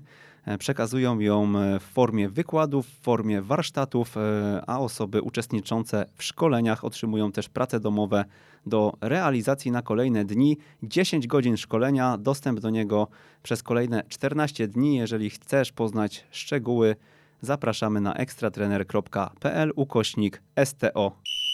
O, ja cię zapraszałem z rok temu, zapraszałem cię z półtora roku temu. Ty mi zawsze mówiłeś, nie, Przemek, to nie jest dobry moment. Czemu to nie był dobry moment? Myślę, że po prostu albo miałem za dużo na głowie, pewne rzeczy mnie przytłoczyły, ja się zresztą do tego przyznaję, bo można, dlatego też powiedziałem przed chwilą o tym, o tym dystansie, który taki młody trener musi od początku mieć, e, bo w tym zawodzie tak naprawdę można, znaczy nie trzeba przestawać pracować. Można nie przestawać pracować i myślę, że ten temat był też już przez Ciebie między innymi omawiany. Myślę, że słusznie, trzeba znaleźć balans między życiem, między pracą i trzeba czasami być zadowolonym z tego, co się, co się już zrobiło. E, nie popadać w samozachwyt, ale akceptować to, że ok, ja w danym momencie już nie mogę zrobić więcej, bo po prostu się zajadę, brzydko mówiąc, albo zostawić sobie troszeczkę miejsca, żeby, tak jak powiedziałem wcześniej, pewne rzeczy weszły w życie, wybrzmiały, sprawdzić, czy to, co zrobiliśmy, jest słuszne, ewentualnie to gdzieś tam skorygować. Nie można cały czas na tej karuzeli się kręcić. E, no u mnie się to, myślę, odbiło na, na, na zdrowiu, ponieważ czułem się taki przygnębiony, czułem się e, gdzieś tam z boku, też, też miałem momenty, że bolała mnie bardzo głowa. Uznałem, że po prostu muszę troszeczkę przewartościować to wszystko, bo nie można, e, nie można cały czas iść, iść, iść w górę. I wbrew pozorom, to wycofanie się, bo wtedy właśnie jakby zrezygnowałem z funkcji koordynatora, powiedziałem w klubie, że ja bym chciał wrócić na boisko. Wbrew pozorom ten powrót na boisko i spojrzenie na pewne rzeczy z dystansu myślę, że rozwinęły mnie bardziej niż bycie cały czas na tej karuzeli. Po prostu stanąłem z boku i popatrzyłem, jak to, co ja wprowadziłem w akademii, realizują inni trenerzy. Przyjrzałem się po prostu, jak oni to odbierają, jak oni o tym rozmawiają. Myślę, że bardzo potrzebowałem tego czasu. E, tym bardziej, że był to też czas, gdzie urodził mi się syn i byliśmy z żoną zaangażowani w zdecydowanie inne, inne sprawy emocjonalnie. Prostu przyznaję się do tego, że nie mogłem pewnych rzeczy pogodzić. Zdecydowałem świadomie, że się wycofuję. Nie, nie wycofałem się z piłki nożnej, bo to by była oczywiście zła decyzja. Natomiast wycofałem, zrobiłem myślę, że pół kroku do tyłu, aby myślę, że teraz nadchodzi ten moment, czy za chwilę nadejdzie, aby zrobić dwa do przodu. I polecam to każdemu. Nawet wczoraj, to jest myślę, że zbieg okoliczności, wszedłem do pokoju trenerów i na, na stole e, leżała książka o szkołach w Finlandii. I przeczytałem chyba dwie, dwie strony, nawet myślę, który trener mógł to, mógł to przynieść, tak myślę, że wiem. Tam przeczytałem dwie, trzy strony i tam właśnie była taka historia opisana, że jeden nauczyciel pracował w Stanach Zjednoczonych w szkole non-stop, nie wychodził z pracy i cały czas czuł, że, że on musi zrobić więcej, więcej, więcej, więcej. Wychodził z tej pracy zmęczony, ale mimo to przygotowywał się do kolejnego dnia, bo chciał kolejnego dnia dać siebie jeszcze więcej. Następnie przeprowadził się do Finlandii, gdzie został zatrudniony w szkole i zobaczył, że ci ludzie w Finlandii e, pracują tak naprawdę po 6 godzin, gdzie tak naprawdę z tych 6 godzin oni przez 2 godziny mają przerwę i ta praca jest efektywniejsza i oni wchodzą uśmiechnięci i on się dziwił się, dlaczego oni chodzą uśmiechnięci, jeżeli oni nie są, nie, nie pracują aż tyle co on. Ale ich podejście do, do dzieci, ich e, samopoczucie wpływało na te dzieci dużo lepiej niż jego samopoczucie, które, którego po prostu przygnębiało. On był cały czas smutny, przemęczony i nasi współpracownicy to widzą. Jeżeli ty chodzisz cały czas zmęczony, jeżeli ty chodzisz cały czas przygnębiony, masz wszystkiego dość, to nie rozwiniesz nikogo. A moim zadaniem w klubie było to, żeby być dla ludzi. I ja cały czas mówię o tym trenerom, że jeżeli macie jakiś problem, to przyjdźcie do mnie. I teraz z tej pozycji, powiedzmy, delikatnie wycofanej, mi jest łatwiej rozmawiać z każdym, bo nie mam aż tylu spraw na, spraw na głowy. To się też złożyło jakby w czasie z ewolucją klubu, gdzie mogliśmy sobie pozwolić na, na pewne manewry tak, y, personalne. Kiedyś, jak zaczynaliśmy, na pewno byśmy sobie na to nie mogli pozwolić, bo nie było aż tak dużo personelu. Teraz za pewne sprawy są odpowiedzialni, inne, są odpowiedzialne inne osoby. Mimo tego, że przez dwa lata już tak naprawdę nie funkcjonuję jako koordynator akademii, widzę duże zaufanie wszystkich trenerów do mojej osoby. Jeżeli jest jakiś problem na, na meczu boiskowy, sportowy, to żaden z trenerów nie ma problemu z tym, żeby do mnie podejść. Ja też nie mam żadnego problemu z tym, żeby dyskutować, dyskutować z trenerami, więc widzę duże zaufanie w dwie strony. Po prostu ja na pewno odżyłem przez ostatni rok. Nie mogę tego powiedzieć o poprzednim, gdzie miałem właśnie ten delikatny, delikatny dołek. I polecam każdemu po prostu wycofanie się na jakiś na jakiś dystans. Nie mówię, żeby się wycofywać zupełnie, ale stanąć z boku, po prostu być zadowolonym z innych rzeczy, cieszyć się innymi rzeczami niż tylko pracą, bo naprawdę to otwiera, to otwiera oczy.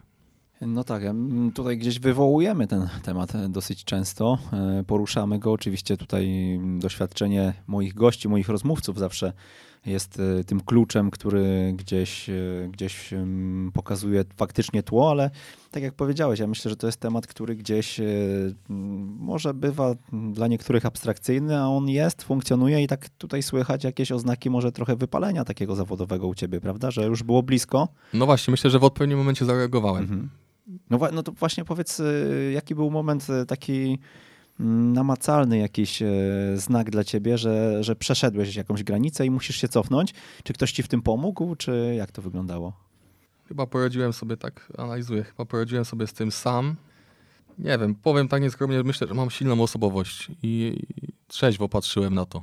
Po prostu widziałem, w jakim stanie przychodziłem do domu. To też nie Fizycznie. Chciał... Tak, nie chciałem tutaj dramatyzować, bo to nie było jakieś tam stany depresyjne, bo jestem daleki od tego, żeby to, żeby to powiedzieć. Po prostu przychodziłem przemęczony, przychodziłem przemęczony i wiem, że teraz coś powiem, no ale tak, no przychodzisz z pracy, to jesteś zmęczony, ale właśnie nie, no wydaje mi się, że w tym zawodzie akurat my powinniśmy przychodzić cały czas uśmiechnięci i do pracy, i wychodzić z tej pracy uśmiechniętym, bo może kogoś obrażę w tym momencie, to jest tylko piłka nożna. To jest tylko piłka nożna. Wiem, że dużo się o tym mówi. Wiem, że ludzie poświęcają temu życie, podobnie jak ja, i dla kogoś to będzie aż piłka nożna. Natomiast poza piłka, piłką nożną, jak się zamknie drzwi, to naprawdę można z ludźmi porozmawiać na inne tematy, można się zająć innymi rzeczami. Nic przez to, że my zamkniemy na chwilę te drzwi do piłki nożnej, do tego naszego świata ukochanego, zamkniemy drzwi, to nic nas nie przegapi. Wrócimy następnego dnia nakręceni znowu pozytywnie do pracy.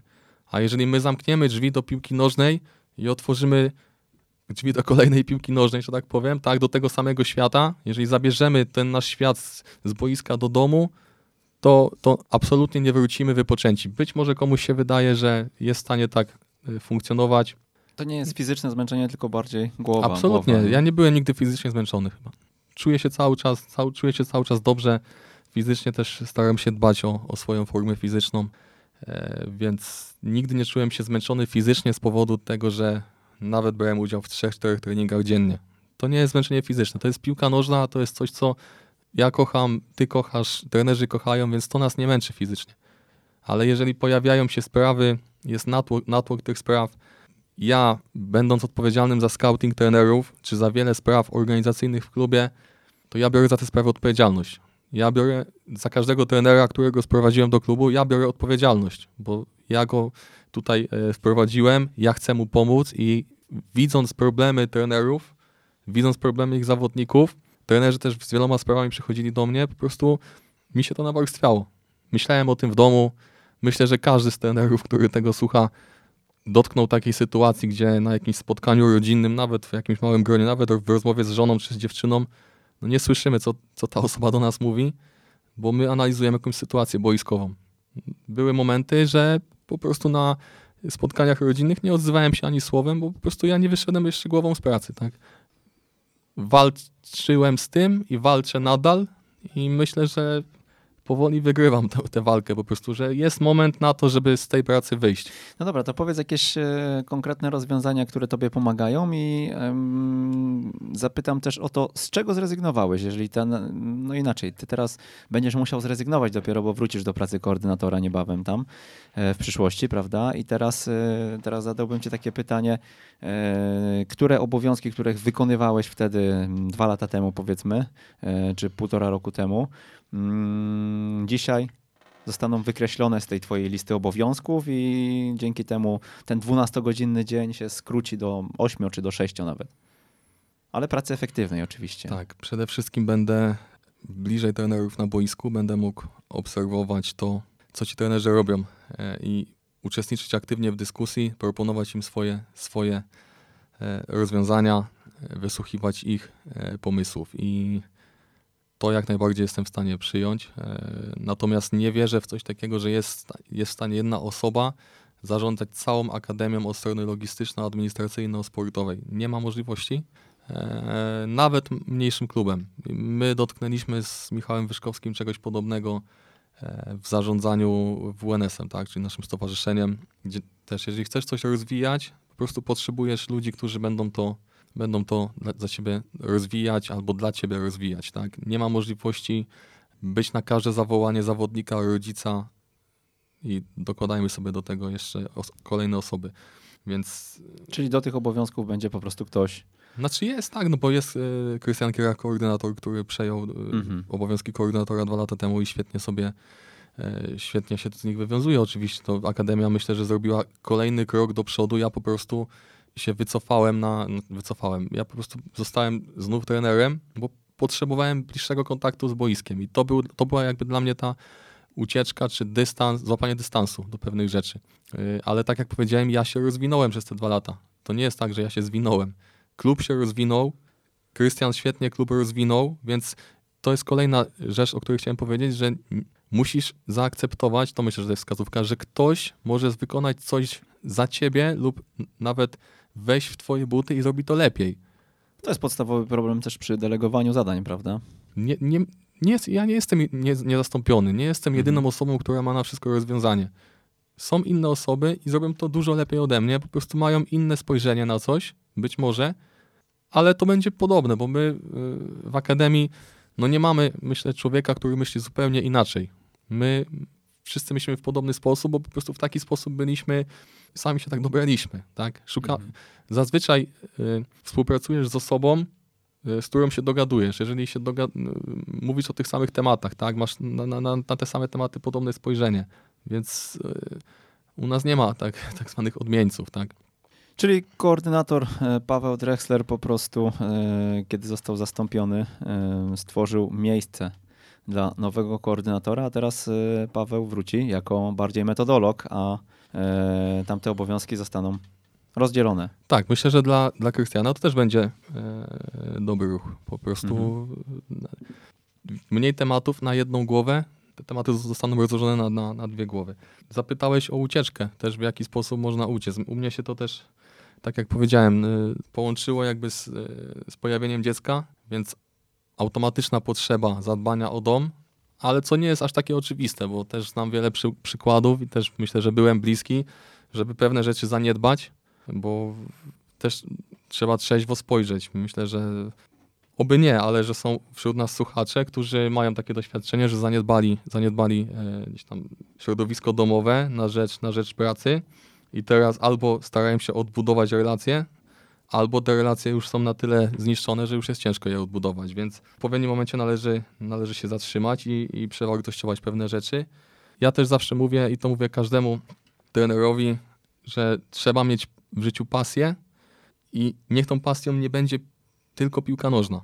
Trzeba mieć w życiu jakąś inną pasję, jakieś inne zainteresowanie, do których zawsze i to mówię każdemu też, to mówię swojej żonie, to mówię każdemu, żeby po prostu trzeba mieć zainteresowania, że jak zostajesz sam w domu, zostajesz sam w pokoju, czy zostajesz sam ze sobą, ty masz coś, co, do czego zawsze możesz wrócić i się przy tym uśmiechniesz i przy czym lubisz spędzać czas. Najgorszym momentem to jest moment, kiedy widzę, że ktoś zostaje sam i traci ten czas.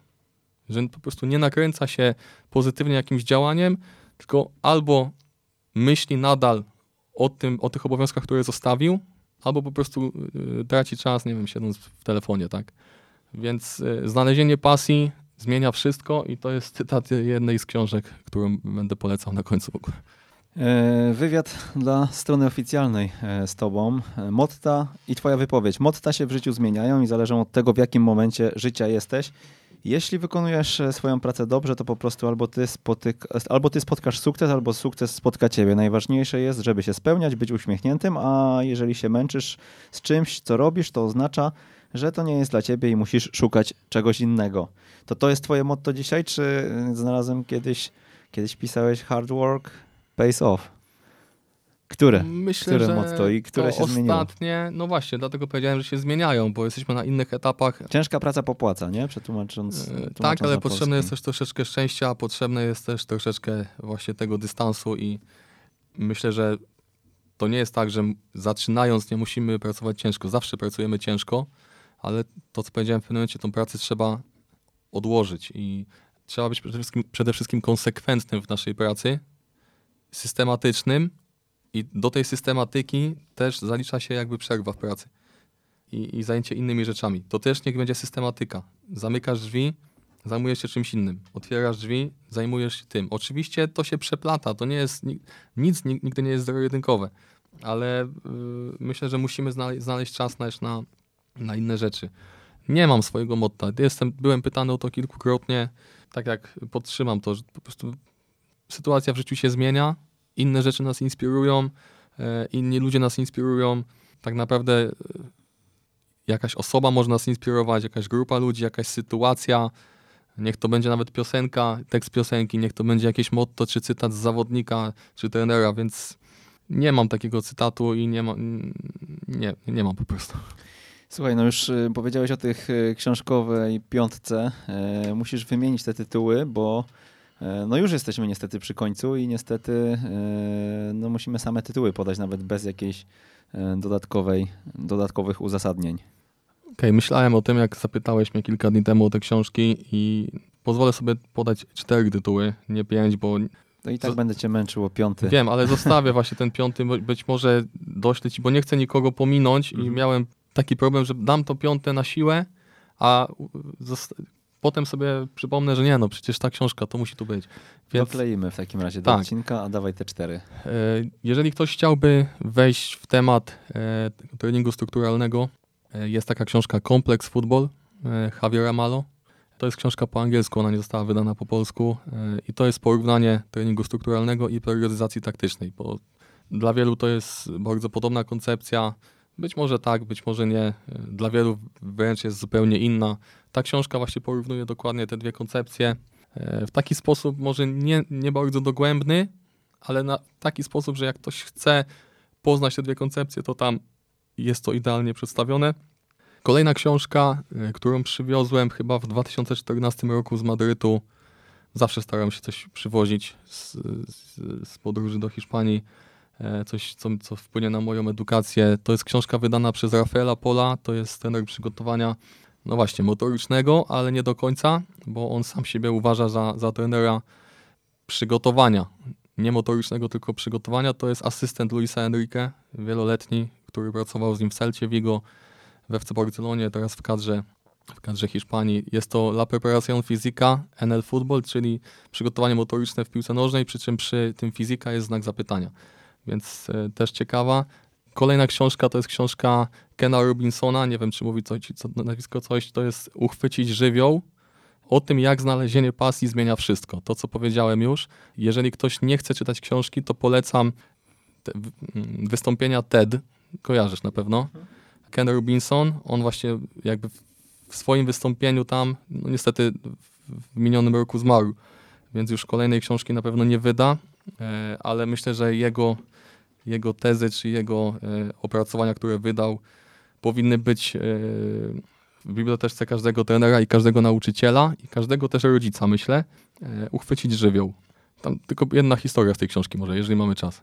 No, nie mamy. Bardzo dobrze. mało mamy czasu. Okej, okay, kolejna książka to jest książka Jak oni pracują, Agaty Napiórskiej. Dlatego chciałem tą książkę tutaj zaproponować, bo odnośnie tego, że powiedziałem, że każdy jest inny i dróg na szczyt czy, czy do sukcesu jest wiele. Ta książka opisuje funkcjonowanie e, wielu ludzi ze świata e, sztuki, między innymi Andrzeja Sapkowskiego czy Jakuba Żulczyka, to są e, polscy, polscy pisarze, czy Jerzego Pilcha, w jaki sposób oni pracują i dowiadujemy się z tej książki, że każdy z nich pracuje inaczej. Niektórzy pracują kilka godzin dziennie, niektórzy pracują 12 godzin dziennie, niektórzy pracują w biurze, niektórzy pracują na strychu, niektórzy pracują na ławce w parku, a każdy z nich osiągnął, osiągnął sukces. I to nie chciałbym, żeby też ktoś odebrał, że tak mają pracować trenerzy na ławce w parku, ale że dróg jest wiele. Po prostu trzeba znaleźć swój obszar, swoją pasję, którą będziemy mogli realizować na, włas, na, na nasz własny sposób. No i to są też cztery książki, więc piątą pozwolę sobie zostawić. To dawaj jeszcze tą historię, żeby nie w tej było, książce. Tak, w tej książce uchwycić żywioł. Początek sam jest taki, że na pewnej lekcji plastyki dziewczynka z tyłu gdzieś tam, pani, pani poleciła dzieciom, żeby namalowały tak naprawdę cokolwiek. E, podeszła do pewnej dziewczynki, która gdzieś tam na końcu coś e, usilnie rysowała, malowała i, i pani pyta się jej, słuchaj Małgosia, co, co ty tutaj namalowałaś? Ona mówi, to jest Bóg. A pani mówi, ale przecież nikt nie wie, jak wygląda Bóg. A Małgosia mówi, no właśnie, zaraz się dowiedzą. Czyli dzieci mają taką wyobraźnię, dzieci mają taką wyobraźnię, jakiej nie mają dorośli i my nie możemy jako trenerzy też tej wyobraźni i tej swobody w działaniu zabić w dzieciach. Taka jest jakby Paweł, ja cię zapytam jeszcze, bo e, naprawdę mamy już minutę, ale ty się znasz dobrze z Marcinem Gortatem e, i pewnie jakieś inspiracje od niego też czerpałeś. E, byłeś nawet odwiedzić go za oceanem. Co z NBA, co od Marcina przeniosłeś do swojego życia, do piłki? No i ten cytat hard work pay, pays off jest... Przywiozłeś Myślę, że jest idealny dla niego, bo Marcin, Marcin nie był wybitnym koszykarzem, jak był dzieckiem, więc w ogóle nie był koszykarzem. Myślę, że nie będę całej historii Marcina tutaj przy, przywoływał. E, zaczął grać w koszykówkę w wieku 18 lat i tak dużo czasu poświęcił tej dyscyplinie, że po prostu doszedł tam, tam gdzie doszedł. Tak? E, Marcin otworzył mi drzwi do, do tego świata NBA. Byłem w, w Waszyngtonie e, przez tydzień w, w Washington Wizards. E, Miałem możliwość oglądania e, treningu i, i, i dwóch meczów NBA z poziomu parkietu. Miałem okazję przebywać z tymi wszystkimi zawodnikami w szatni, więc e, no, powiedzmy otworzył mi świat e, koszykówki. Koszykówka jest w ogóle moim drugim sportem, e, ale to też na inny odcinek. Wiem, że się śpieszymy. Musimy wydłużyć do dwóch godzin chyba te odcinki, bo naprawdę. No tak, jest o czym rozmawiać. No jest inspiracją, tak? Jest inspiracją, bo jako Ale było coś takiego, co przywiozłeś, jakąś jedną rzecz, którą gdzieś zapamiętałeś mocno? Wiesz co, to jest zupełnie inny świat Mhm. niż świat piłki nożnej. Na pewno uśmiech tych ludzi i w ogóle uśmiech ludzi w koszykówce. Też y, chciałem, żeby część może osób się tym zainteresuje, że koszykówka jest dużo otwa- bardziej otwartym y, sportem niż piłka nożna. Pod kątem tej struktury socjoafektywnej nawet myślę, tej atmosfery. Poznałem wielu świetnych, świetnych ludzi y, ze świata koszykówki, praktycznie wszystkich koszykarzy z kadry, y, z kadry Polski. Niesamowici ludzie. Wiadomo, ktoś powie, no tak, piłkarze też są świetni. Okej, ja mam takie spostrzeżenia, że w tej koszykówce jednak tego uśmiechu, uśmiechu jest więcej, mimo problemów, jakie ta dyscyplina przeżywa w naszym kraju, y, organizacyjnych. To powiedz na koniec, mm, co byś poradził naszym słuchaczom, z jakim zdaniem chciałbyś ich zostawić? Myślę, że zostaw przestrzeń, jeżeli jesteś trenerem, to zostaw przestrzeń zawodnikowi, umiej się wycofać. Po prostu miej taką zdolność, żeby w pewnym momencie nic nie mówić, żeby zawodnik mógł sam na coś zareagować, bo często spotykam się z, takim, e, z taką sytuacją, że trenerzy cały czas mówią, ten zawodnik nie ma swobody w działaniu, cały czas słyszy komunikat. Ja bym chciał, żeby naprawdę każdy na świecie miał swoją przestrzeń, żeby mógł ją wypełnić na swój własny sposób. Oczywiście, jeżeli zbierze się grupa dwudziestu kilku osób, tak jak u nas w sztabie, którzy myślą w podobny sposób, to idźmy w tym, w tym kierunku wspólnie, ale dajmy naprawdę przestrzeń drugiemu człowiekowi, żeby mógł sam się realizować, żeby mógł popełnić błąd, żeby mógł przeanalizować ten błąd. Jeżeli popełni błąd, to ty nie miej z tym problemu, po prostu daj mu go później naprawić. Paweł Drexler, Łódzki Klub Sportowy, dziękujemy bardzo. Dziękuję. Miło było z Tobą podyskutować i myślę, że Mi nasi też. słuchacze również, również wyciągną z tego odcinka sporo e, wartościowych informacji. 133 odcinek to był e, podcastu Jak uczyć futbolu. Przemysław Mamczak. Do usłyszenia. Jeżeli spodobał Ci się ten odcinek i wspólnie z nami chcesz podnosić poziom szkolenia w Polsce, o istnieniu podcastu Jak uczyć futbolu poinformuj jednego znajomego trenera, którego takie treści mogłyby rozwinąć. Z góry pięknie Ci za to dziękujemy i raz jeszcze do usłyszenia.